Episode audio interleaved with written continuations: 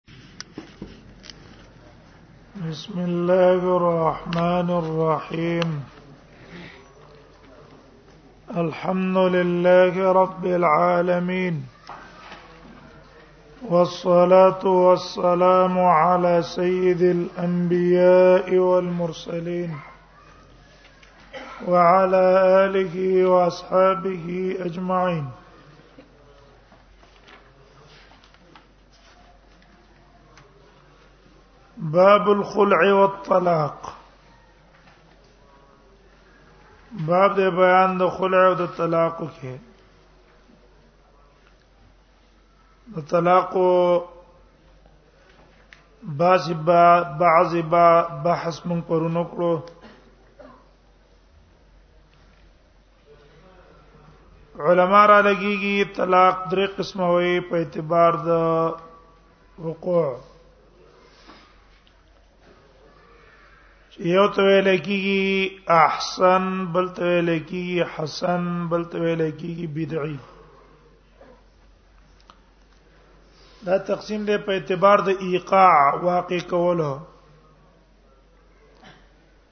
احسن طلاق دا دی چې سړی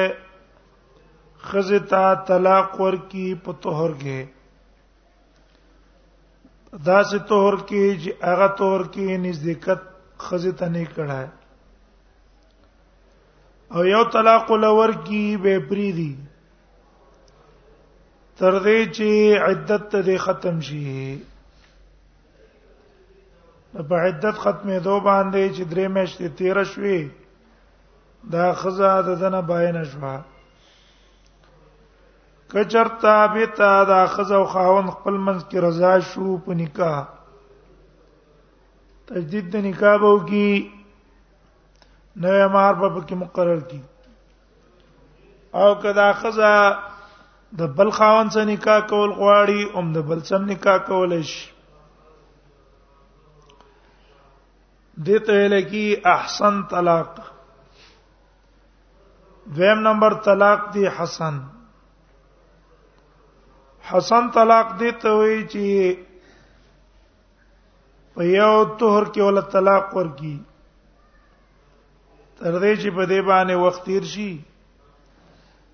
دا تور تیر شو حیز راغې بیا پاک شوا به په دې دویم تور کې ول بل طلاق ورکی چې دریم تور راغې په دریم کې ول بل طلاق ورکی دا طلاق حسن دی خو احسن نه دی احسن ځکه نه دی چې په دې سرا خزه په دمو غلزه شو د دې خې سبي ته نکاح نشي کولای ترڅو پورې چې دا خزه په خپل مرزي د بل خاون سره نکاح اونګي او هغه خاون دې په خپل مرزي طلاق نه کی حتا تنکح زوجا غیره دیو جن احسن نشو او حسن دی ځکه چې په هر حیث کې جدا جدا ته په هر طهر کې ول جدا جدا طلاق ول ور کړی شو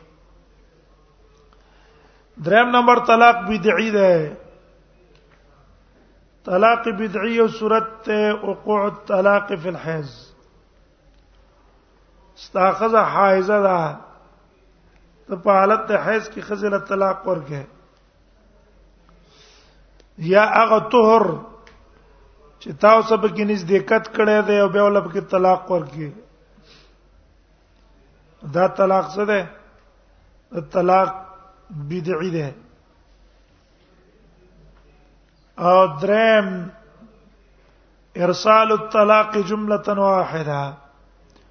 درې طلاق په یو ځل باندې ورکی دا د جمهور علما په نسبت باندې بدعي ده ناروا ده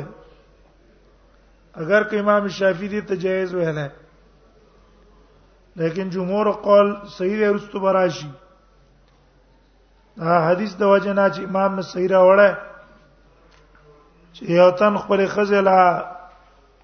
سل طلاق ور کړو نبی صلی الله علیه وسلم فرمایل ایلعب بکتاب الله وانا بین ازهرکم الله په حکم پورې تاسو ټوکی کوی او زلا موجودې ما نو دا طلاق بدعي شو دا درې قسمه په کوم اعتبار شو په اعتبار د ایقاع واقع کولو دویم تقسیم د طلاق د په اعتبار د وقوع چې کله سړی خزر طلاق ورکی نو کم اثر به پاغه مرتب کیږي نو په اعتبار د ترتب د اثر او په اعتبار د وقوع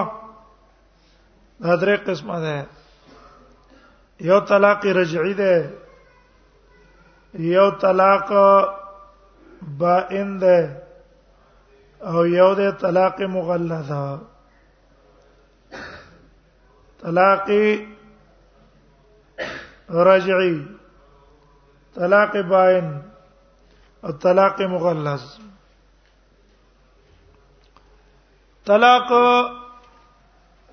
رجعي څه ته وایي طلاق رجعي دي ته وایي یو سړی را اولګي دو خپل خزې لره طلاق ورکړلو په یو طهر کې خو یو طلاق نو د لپاره حق د رجوع شته ده په دغه زمانہ د عدت کې وبعولتهن احق بردهن في ذلك ان ارادوا اصلاحا خاوند پر حق د رجوع ده اڅ د خځه رضا عدم رضا له اعتبار نشته خاوند کو رجوع کوي رجوع کولای شي او کو رجوع ونکړه همدغه سفرې کو سره بس د نکاح نه بیوزي دا طلاق رجعي دی دا طلاق رجعي دو طلاقي یو طلاق دی ورکو خزلا او دویم طلاق دی ول ورکو په دې دوه طلاقونو کې حق د رجوع ستاده پاره شته که په دې پسې د دریم طلاق ورکو که په دې طلاقونو پسې دی ورکو که رجونه بعد ته به دریم ورکو بیا حق د رجوع بستانه ای دویم نمبر طلاق ته باین طلاق باین یو د جمهور علما اصطلاح ده او یو د احناف علما ده جمهور علما وايي طلاق باین د پاره دوه صورتونه دي طلاق بیان دی ته وایي چې خاوند لپاره حق د رجوع بیا په دې کې نه یو صورت ته تاخذ و نکاح دې وسکړه دا خو خلوت دې وسنه ده کړه خلوت واده کړی دی نه دا یا د هغه سره خلوت نه دی کړی او تر اولګه دا قصه د طلاق کړه نو په دې صورت کې بیا استاد پر حق درجو نشتا سورته احزاب کې دي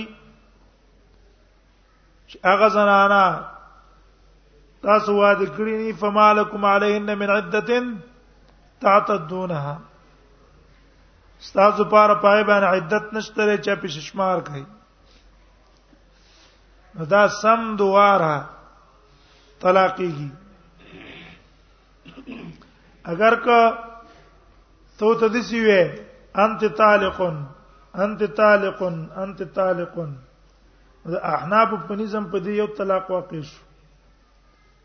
درې طلاق واقع نشو وجدا دا وی چې اوله طلاق کړه نو بس دا دویم طلاق کې د خزانه ده غیدت پښته ده نه دا د خزیتوب نه اوته دا دویم او دریم طلاق سره لغوش دویم صورت د بینونت جمهور ده ده چې سړی خپل خزل طلاق ورکی یو طلاق او رجو ته ونکی تر دې چې عدت ختم شي درې مېشتې په تیر شي یا درې حیض په راشي په دې درېم حیض راتلو یا تیرې دوه باندې دا خزه شوا دا لاړه باین شوه وس که خاوند ته رجوع کوي حق ته رجوع یې نشته که چرته رجوع کوي نو تجدید د نکاح به کوي نوې مہر به مقرره رضا د ولی به پکې شرط دي د سیدل کنه وی نکاح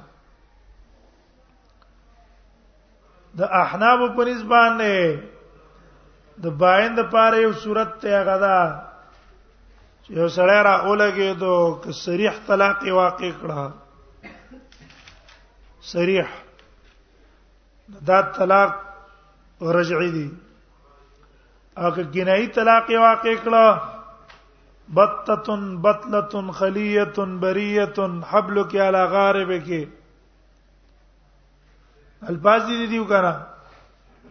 اگر چرته په دې کې نیت طلاق نو او طلاق نو واقع کیږي او غنیت ته طلاق یو په دې الفاظو نو طلاق واقع شو حکم طلاق باین کینه یو باندې طلاق بیان واقع شو جمهور علماوی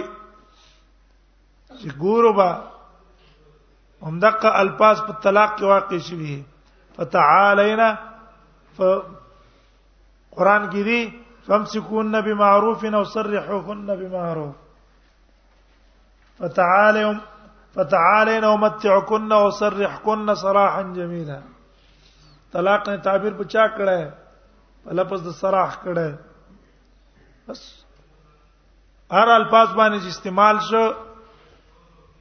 رجیب ای بیان بنای بیان د پاره د صورت دی دریم نمبر طلاق مغلظ ده طلاق مغلظ هغه دې ته وایي چې سړی خپل خځه ته درې طلاق ورکړي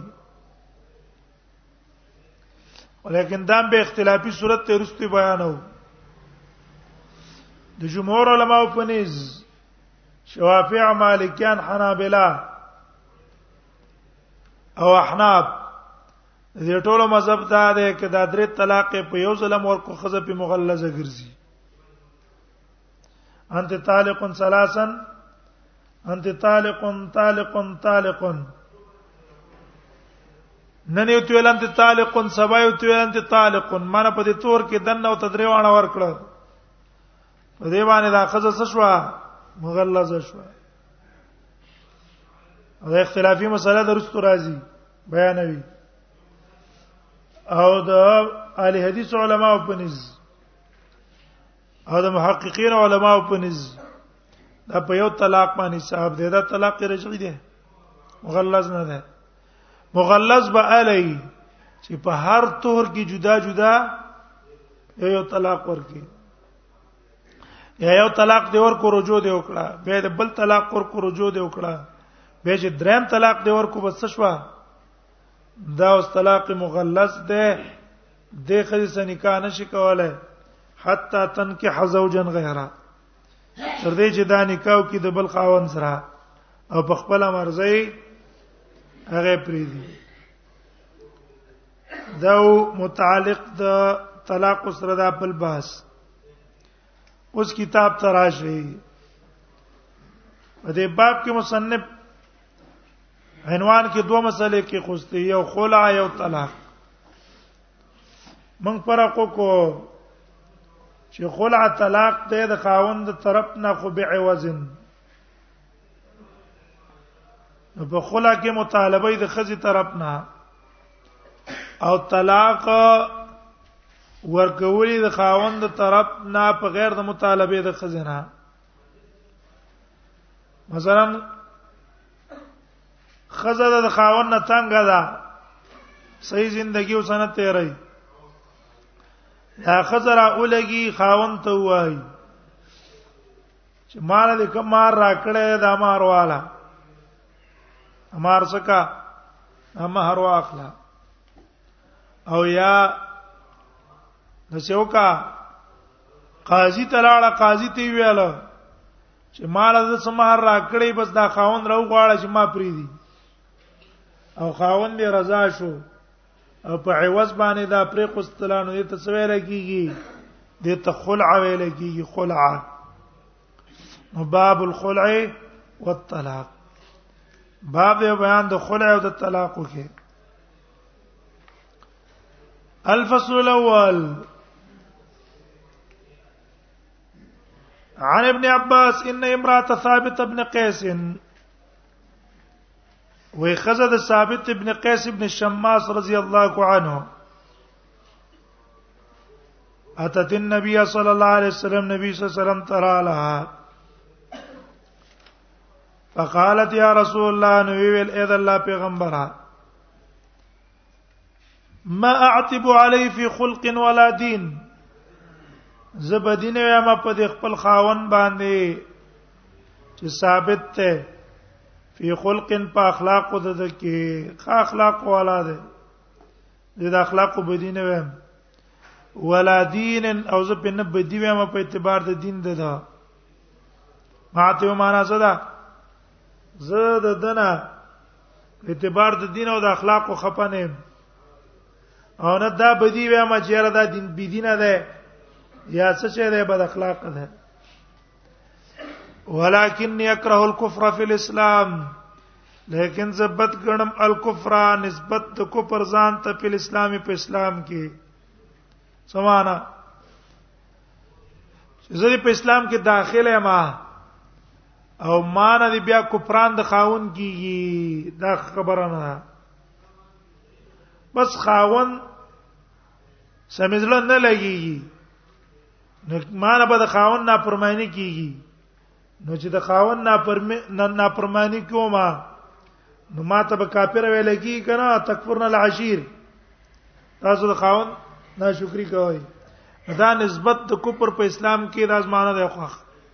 ٹھیک شو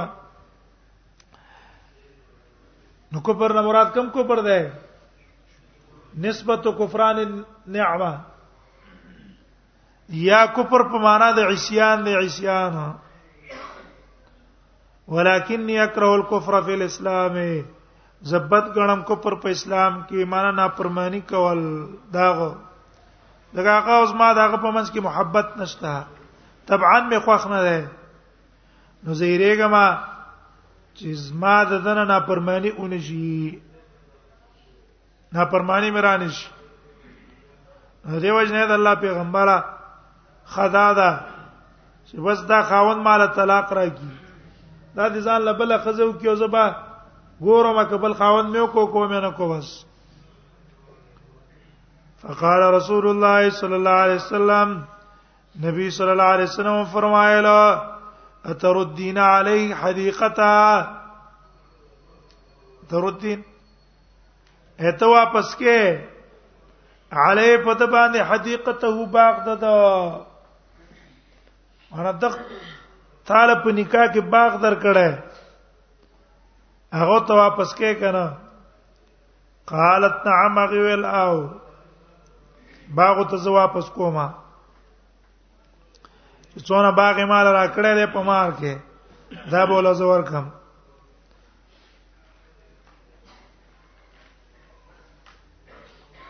نو نبی صلی الله علیه وسلم به ثابت ویلو قال رسول الله صلی الله علیه وسلم اقبل الحديقه هغه تل دا باغ ته قبول کا وطلقها تطليقها او طلاق کدا تطليقتن په یو طلاق دې خلا کې یو مسله دا ده چې مخکې مونږ ویاله چې خلا طلاق دې په عوض چې دې خاوند لبدا خزه څه شی ور کوي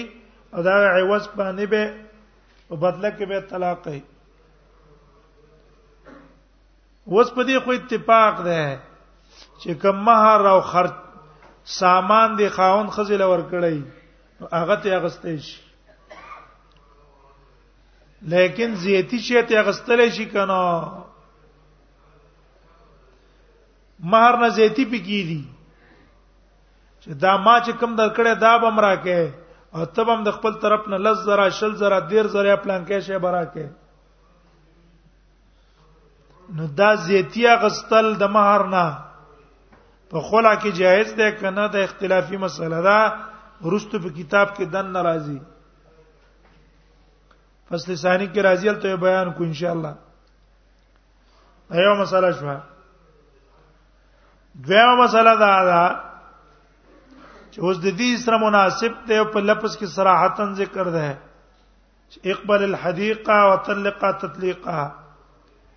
هغه دا چې طلاق د خلع د قبيله د طلاق نه ده او کدا خلع د قبيله د فسخ نه ده دا قبيله دا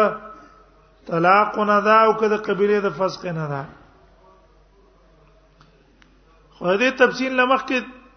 فسخ او د طلاق پر کو پیژنای نو بیا با په مسله باندې پیښی د طلاق او د فسخ فرق څه دی نو فرق دا ده چې طلاق باندې درې احکام مرتب کیږي چې دا درې واړه احکام په پسخه کې نه دي پسخه طلاق باندې چې کوم احکام مرتب کیږي په پسخه کې دغه احکام مرتب نه دي فسخه ازالی د نکاح ته وي اول په طلاق کې خاوند د پاره خاوند له حق درجوي طلاق کې څه وی خاوند له حق درجوي په پسخه کې خاوند له حق درجو نه مثلا قاضي را اولګېدو یو سړی د خصه بد اخلاقی کوله نه فقینه ور کوله او قاضي نکاح پسخه کشي بسته د نکاح نه اوتله خاوند لپاره څنګه شته حق دروچو نشته یا مجبوب دی یا عنین دی د خځې حق نشي ادا کوله او قاضي په فیصله د څوري کلا د طلاق خاوند لپاره حق د رجوع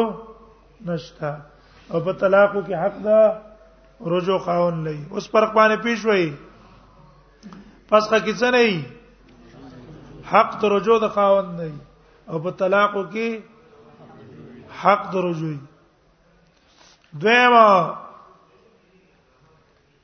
په دې اتفاق ده چې یو سړی را اولګي د خپل خزره طلاق ورکو دا به په دې درې طلاقو کې حسابي څه به دا په دې درې طلاقو کې حسابي سمانا یو سړی د خزله یو طلاق ورکو به دوی مې ورکو به درې مې ورکو په دې درې باندې دا څه شو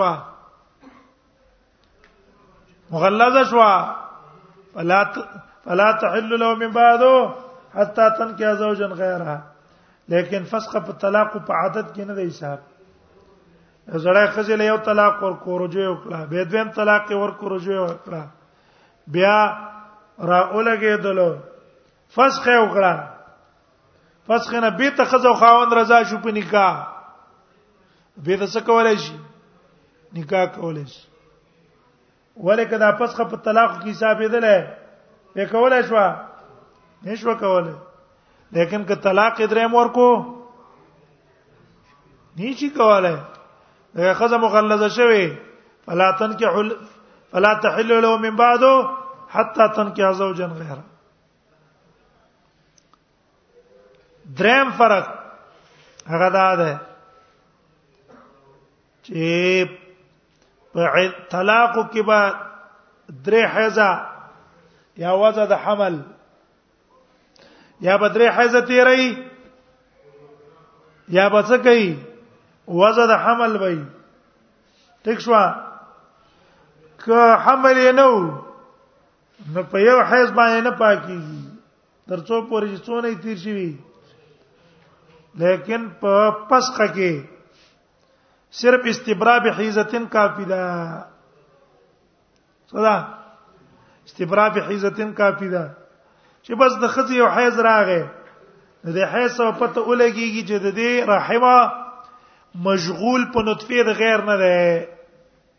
د دې خزي رحم مشغول په نطفه د غیر نه ده نو بس پس د دینه کدا خزا د فسخ په صورت کې چې یو حیز راغې د دې حیز نه بعد دا خزه د بل خاون سره نکاح کولای شي اگر کدرې حیز تیر نه کی دا فرق هم زین ته پرې وته څلورم فرق دا ده چې د طلاق او اختیار صرف د خاوند سره وي طلاق د چا په لاس واقع کیږي بيد الزوج او هر چې فسخ ده نو فسخ بيد القاضي هم واقع کیږي بيد قاضي هم واقع کیږي سړی بد اخلاق دی د خزي حقوق نه ادا کوي خرچو پیسې نه ور کوي حقوق دا غنا ادا کوي او تراقیم نه نو قاضي برا ولګي خپل بچول کی پس قبول کی کنه نو فسخه په لاس د چا واقع کیږي په لاس د قاضي واقع کیږي دا فرقم چې معلوم کو په مابین د فسخ او د طلاق کې وسرا شي دا خلع د کمی قبيله نه ده آیا دا خلع د قبيله د فسخ نه ده چې احکام د فسخ په مرتب کیږي او کدا د قبيله د طلاق نه ده چې احکام د طلاق په مرتب کیږي یو قول د علما او دا ده چې دا خلع د قبيله د فسق نه ده طلاق نه ده څنګه ده طلاق نه ده چې طلاق نشو د قبيله د فسق نه شو کوم احکام به مرتب کیږي احکام فسق به مرتب کیږي دا به په طلاق کې حسابيږي نه یو سړی خزر د طلاق ورکړیو او بدرام طلاق پس خو کړه او د پس کنه به درام ځلې پس خو کړه د پس کنه به ته خزر خاون په نکاح باندې رضا شو به ته تجدید د نکاح ولا جایز ده ولې او طلاق لا پاتې ده فسخه استبراء بحیزتن بکای ثلاثه قروتب کی ضرورت نشته ټیک شو اور څه دلای او چې قبيله د پسخ نه شي خاون له حق درجو نشته کرا چې دا د وسره ولګي خسته دې پکې څوک کی رجو کی دا د قبيله د فسخ نه شو ولې وي کدا طلاق وې نو په دې کې به شرطونه د طلاق لازم وي سبب شرطونه د طلاق شرطونه د طلاق دا دي چې دا په طهر کې ورکه دا چې طهر چې پای کې بتا جما نه کړه د خپل خزې استراحت ټیک شو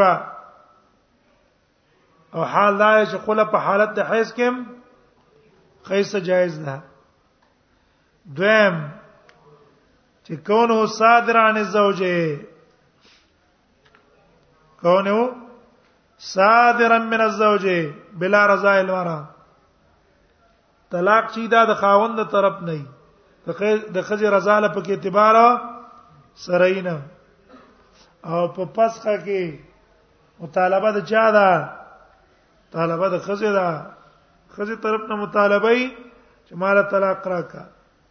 نو دیو جن دا د قبيله د فسق نشوا او د قبيله د طلاق نه نشوا او دا قول د چا ده دا قول دی د عبد الله ابن عباس دا قول دی د امام احمد دا قول دی د اسحاق ابن راهوی او دا قول دی د ابو ثور او یو قول دی د امام شافعی دیو دا د قبيله د فسخ نه ده زکه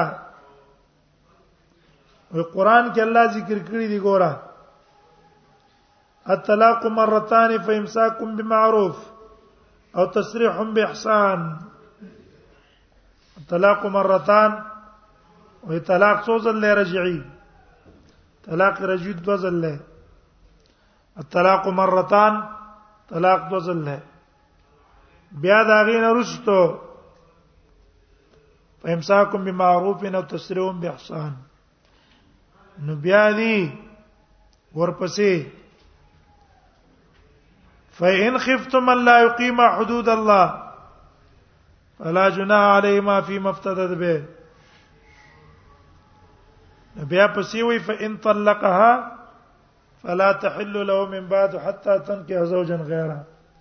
دو طلاق نرستو کم شي نه بس خدا کنه دا خلا دا کنه دا وان خف فان خفتم الله يقيم حدود الله فلا جناح عليهما فيما افتدت به دا کم یو شی شو دا خلع شو دو طلاق نرستو خلع رااله بیا ورپسې دی فإن طلقها فلا تحل له من بعد نو که چرته خولا موږ په طلاق کې حساب کو آیات باندې ونه رسیدای آیات کې څو ذکر دي درې طلاق یو خلع دو طلاق مخ کې ذکر کړه طلاق مرتان طلاق رجی څو ځله دو ځله دو ځله ټیک شو ورپسې څه وای ورپسې وای وان خفتم الله يقيم حدود الله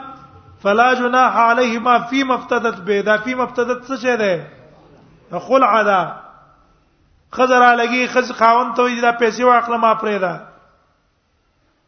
فإن طلقها فلا تحل له من بعد حتى تنكح زوجا غيره نو که خلع من په طلاقو کې حساب کو طلاق به څو شي څلور او طلاق څلور نه دي څو دي درې پته اولګه دلا چې دا خلعه نه د قبيله د فسخ نه ده نه د قبيله د طلاق نه شو دا استدلال نه ولا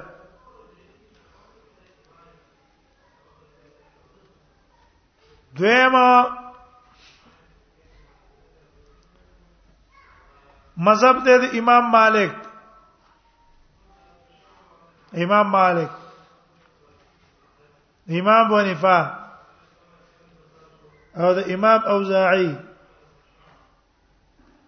او دا صحیح قول دی امام شافعی او دا نقل له په صحابو کې د علی نه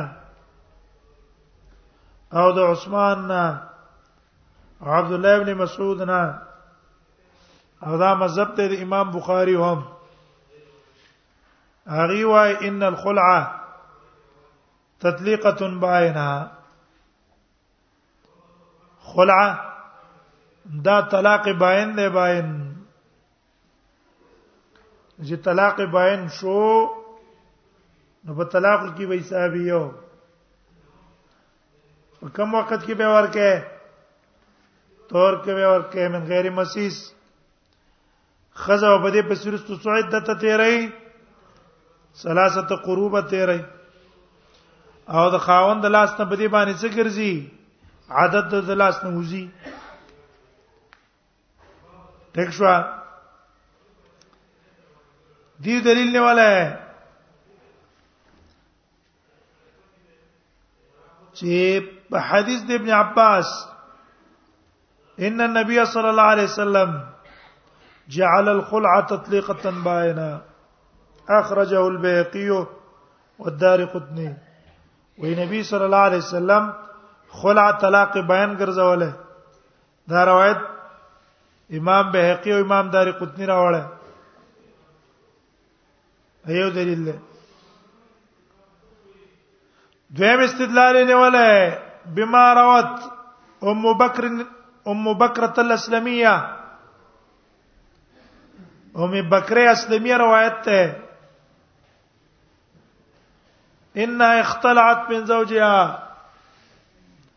عبد الله ابن اسید وای ما د عبد الله ابن اسید نه خلع وکړه او ثم اتت و بیا دې څوکړل د عثمان تراله اجاز ذالک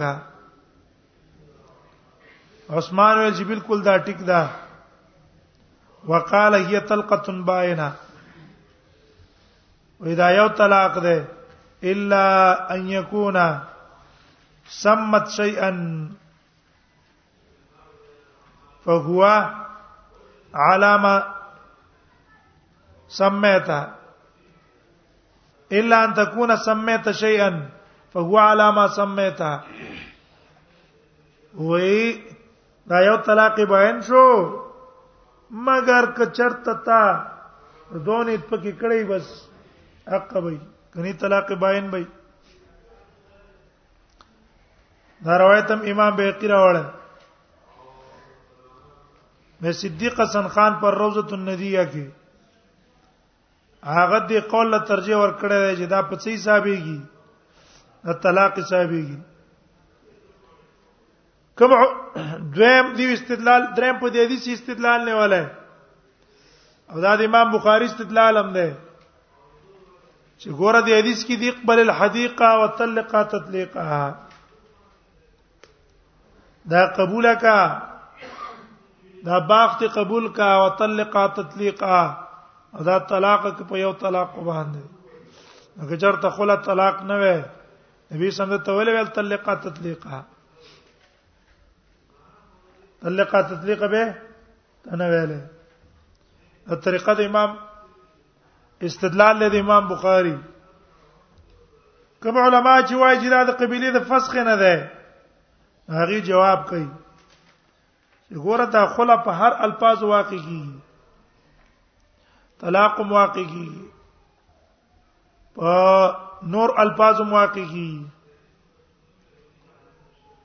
نو دلته لفظ د اعتبار نشته اثر لا اصل کې اعتبار ده به خلع صراحتا واقع کیږي بدر الفاظو خلع کې درې الفاظ صریح دي یو لفظ د خالعتو کې ده سره راولګي خپل خزي ته وی خالعتو کې دویم لفظ د مفادات مفادات ولې قران کې په دې لفظ استعمال شوی دی کنه فلا جناح علیهما فی مفتدت به او دریم لفظ دریم لفظ چې هغه د الفاظو ته نږدې لکه مثلا نسخت نکاح کې یا فسخت نکاح کې فسخت نکاح کې نو ګوره دا خل عصر کې حقیقت ته په پسخه د نکاح کې نو کدا الفاظ استعمال کړه خزه تا نو په دې باندې خلا واقع کی په غیر د نیت نه او د دې نه په غیر نور الفاظ دی باراتو کې ابراتو کې دا به کنایاتی نیت له اعتباري چې نیت شته کنه شته ده را البخاری روایت امام بخاری راوړی وعن عبد الله ابن عمر انه طلق امراه له عبد الله ابن عمر طلاق کړه خزه خپل بلای ابن عمر یو خزه کړي وا خو د عمر نه واخوخه دین په واجه عمر راولګي ته له دې زوی تی ویل چې دا خزه دې لري کا عمر راولګ د عبد الله ابن عمر طلاق کړه وهي حائز او دا حائز وا خزله په حالت د حیض کې طلاق ورکو وهي حائز فذكر عمر لرسول الله صلى الله عليه وسلم دا خبر عمر نبی سم ته ذکر کړه چې عبد الله ابن عمر را لګي دله د خپل خزه په حالت ته حیث کې طلاق کړي نبی سم ته عمر ته دا ذکر کړه فتغيظ في رسول الله صلى الله عليه وسلم نبی سم ډیر څه غوسه شولو تغیه زمانہ څه ده معنا غوسه شولو په بار د طلاق ورکولو په حالت حیض کې نبی صلی الله علیه وسلم دا دلیل له پدې چې په حالت حیض کې طلاق ورکول دا جایز نه دی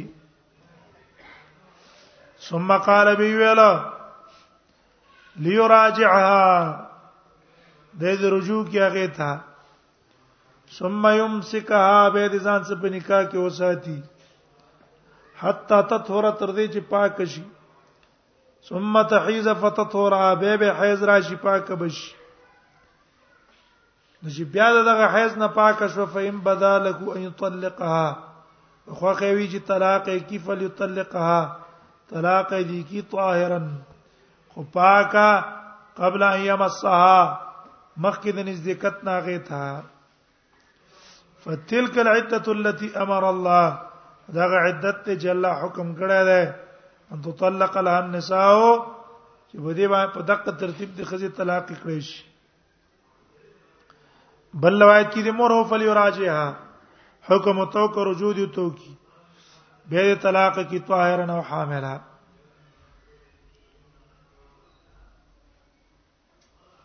د ظاهر د حدیث ته معلوم شو په حالت د حیض کې خزر طلاق پر کول حرام دي ناروا دي جائز نه دي ځکه نبی صلی الله علیه وسلم غوسه شوی دی او په کوم کار چې نبی صلی الله علیه وسلم غوسه کیږي هغه دلیل د حرمت دا ناروا ده چې نارانه ناروا نه وي نبی سم باندې غوسه کېده د علما وايي چې حکمت په حرمت د طلاق په حالت الحیض کې څه ده دې کې څه حکمت ده چې شریعت وی په حالت د حیض کې بخزل طلاق نه ورکې دا ناروا ده حکمت پکې څه ده نو علما وايي چې حکمت راځي دوه امرونو ته ده د دوه وجونه شریعت په حالت د حیض کې خزې طلاق ورکول حرام ګڼلی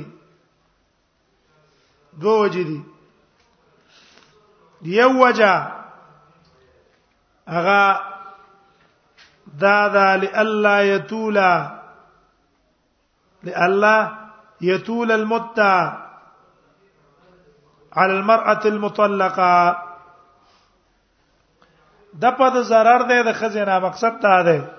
چې علت پکې څه ده دفع الضرر عن المطلقه غدا ته چې په حیث کې ول طلاق ورکې نو دا حیث کوئی حسابي کې نه کنه یا به دا حیث حسابه یا به نه حسابه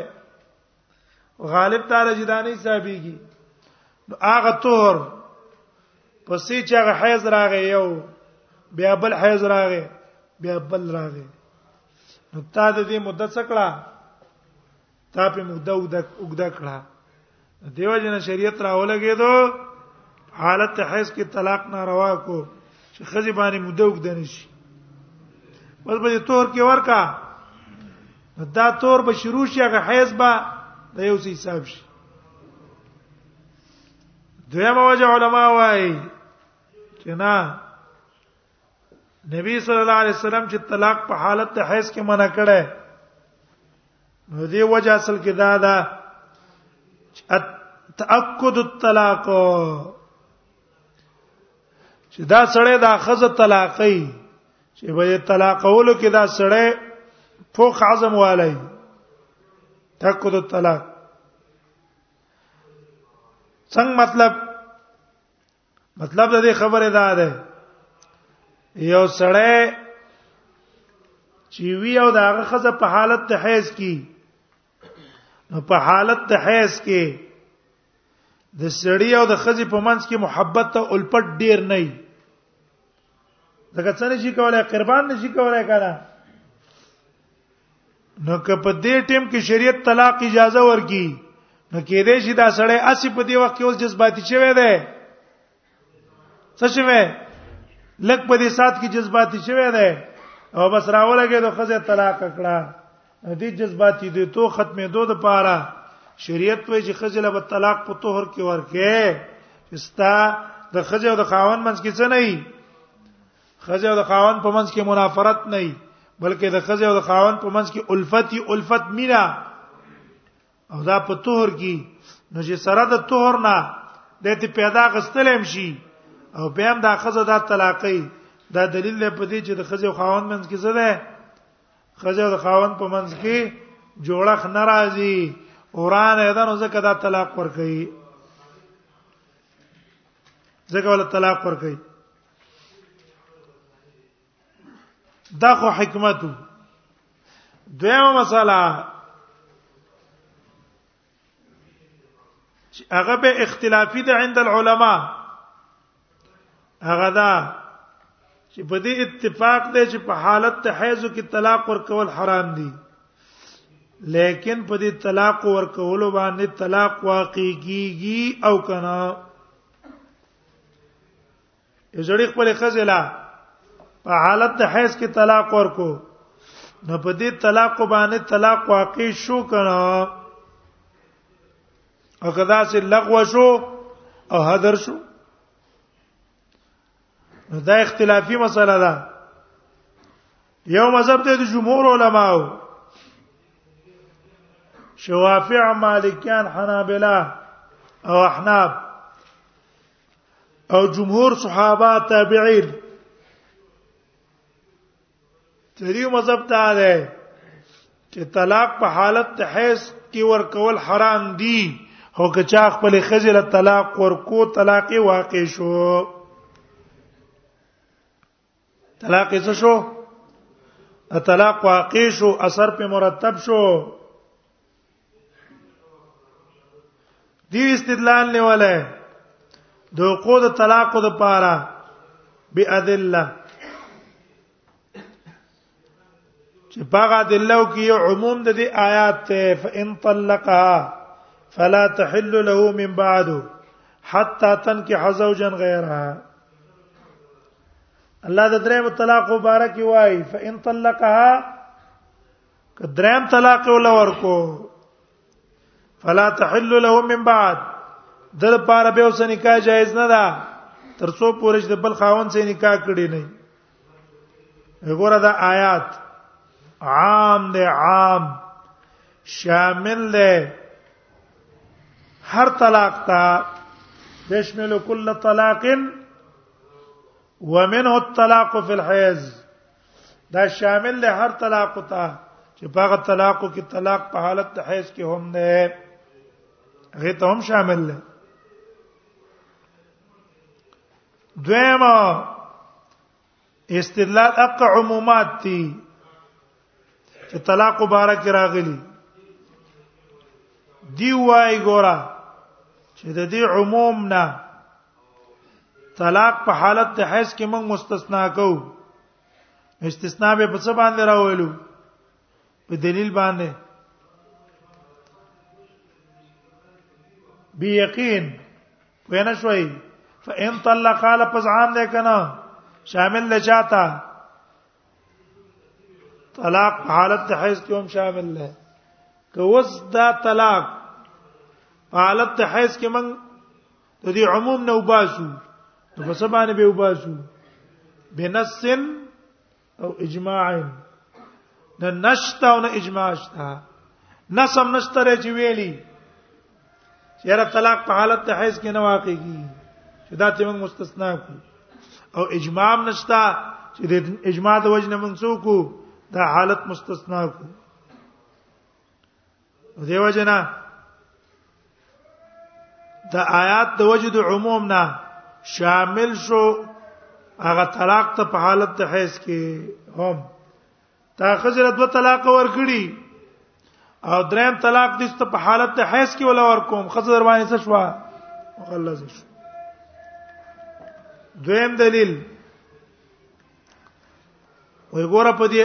احادیثو کې دي ثم قال ليراجعها ثم قال ليراجعها نبی صلی الله علیه وسلم وی عبد الله ابن عمر د خپل خزه ته رجوع کی نو رجوع دلالت کوي په دې چې طلاق واقع شوه دی ځکه ته رجوع کوي کنه دا امر بالمراجعه دا دلیل په څه باندې عقود طلاق ولکه خزه په نه طلاق شوی معنا د رجوع پاتې شو څه معنا شو د رجوع پته ولګېدل چې رجوع نه مراد خزه تبه تر واپسی ده او دغه طلاق واقع شوه او که څوک وایي چې نه لیراجعها مرخ فلیراجعها دا دلیل د دې خبرې نه ګرځي چې دا طلاق واقع شوی دی ولې دلته مراجعین مراد معنا لغوي ده کوم معنا ده معنا لغوي چې غرض ته ال حالت الاولى غدا تعویل هغه علما چې پاک ابن قیم هم ده چې هغه طلاق په حالت د حیض کې نه واقع کیږي هغه دا تعویل کړی دی چې امر بالمراجعه په کومه معنا باندې دی په معنا لغوي نه په معنا شرعي معنا لغوي څه دی الرد الى الحاله الاولى من وایو چې دلته معنا لغوي نه سي کیږي وجه دا ده چې اول قاعده دا ده چې حمل د لفظ په معنا شرعي مقدم ده بچا باندې په معنا لغوي پويږي کنه پويږي په دې الفاظو مقصد پويږي کنه یو لفظ شریعت استعمال کو او یو لفظ لغت هم استعمال کړي او موږ مخې ته شریعت شریعت پروت دی نو موږ به کومه معنا اخلو شری معنا واخلو لغوي معنا بنا اخلو حمد لفظ په څه معنی په معنا شرعي مقدم دی په نسبت ته چا حمل د لفظ باندې دا بکو دلته د قصه ده او دلته معنا لغوی او غستل ځکه صحیح نه دي چې پر روایت ابن عمر کې تصریح ده چې امام مسلم نقل کړه چې حب حبسها عليه تلقى حب حبسها عليه تلقى ودا طلاق په نبی صلی الله علیه وسلم په یو حساب کړه چې یو کړه په یو طلاق په حساب کړو امام بخاری وايي حبست علی بتطلیقا حبست علی بتطلیقا عبد الله ابن عمر په ما یو طلاق حساب کړی شو دار قطنی روایت راوړی ان النبي صلی الله علیه وسلم قال له هي واحده ان النبي صلی الله علیه وسلم قال له هي واحده وی نبی صلی الله علیه وسلم د تویلی چې دا یو طلاق ده دارې مسلم مختلف روایتونه په قصې د ابن عمر کې نقل کړي خو په دې ټولو کې تصریح ده به وقوع طلاق دا ټول دلالت کوي په دې چې عبد الله ابن عمر طلاق واقع شي وی دی دغه ته نبی صلی الله علیه وسلم څه وایي امر بالرجوع کوي مرو فليراجعها درم دلیل د جمهور دا ده ان الطريق طلاق ليست بقربه ان الطلاق ليس بقربه دا طلاق وخت کول خو ثواب نه ده هغه څه عبادت ته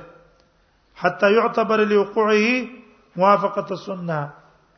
چې د واقع کېدو لپاره د سنت موافقت موږ څوک معتبر کو چې ګینه د سنت سره موافق نو دا به حذری خو عبادت نه ده ټیک شو وانما هو ازاله العصمه دغه ازاله د عصمت ته نکاح ختمول دي او ملک النکاح فايقاعه في الحيز اولى کار دا چې موږ په حالت ته حیض کې به دا طلاق واقع کو تغلیظا علیه عقوبتا لا د پاره د څه د پاره د سزا ده ده او د پاره د تغلیظ ده ده د باندې تشدد حکم کې راوړو او دله سزا ورکو چې بیا د شکار نه کوي تغلیظ نه علیه عقوبه الله سلورم دی وی ګورا ټیک دا موږ مانو چې طلاق په حالت د حیض کې ګناه ده خو کون الطلاق فی الحیض لا يمنع ترتب اثره وحكمه عليه کې دل د طلاق په حالت ته حیض کې ګناه دا ګناه کېدلې مانع د چانه نه دي ترتب د اثر او د حکم نه نه دي یعنی په دې باندې به اثر نه مرتب کیږي په دې باندې به حکم نه مرتب کیږي د دې مثال د زیاده ګوره زهار زهار منکر من القول و زورا ده کنه ده قران کو ته څه ویل شوی ده قران کې ته منکر من القول و زورا ویل شوی نو طلاق منکر من القول و زور ده او سره دا غینه چې په دې باندې فرقت واقعي بین زوجین کنه حقیقي ګره ترڅو پر کفاره نه ور کړی ټیک شو یا طلاق الحاصل هغه خیسه غپ شپ لګی ته طلاق ہے ادا ته ما خطا سره غپ لگاو په دې دا د غپ باندې اثر مرتب شو کنه سلاسن جدون نجدون وازلون نجدون پاغه باندې طلاق مرتب شو اثر پر راغې دقه سي چې وسړې اگر اولګېدل خپل خزله طلاق په حالت حیض کې ور کړو ټیک ته دا کار د ګناه دی جرم دی ګناه ده لیکن په دې ګناه باندې اثر څه شلو مرتب شو کار ناروای او اثر په مرتبېږي طلاق په حالت د حیض کې جرم دی ګناه ده لیکن اثر په مرتب کیږي چې خزه پسې کیږي دا په طلاق کیږي دا حاصل ده دلایل د جمهور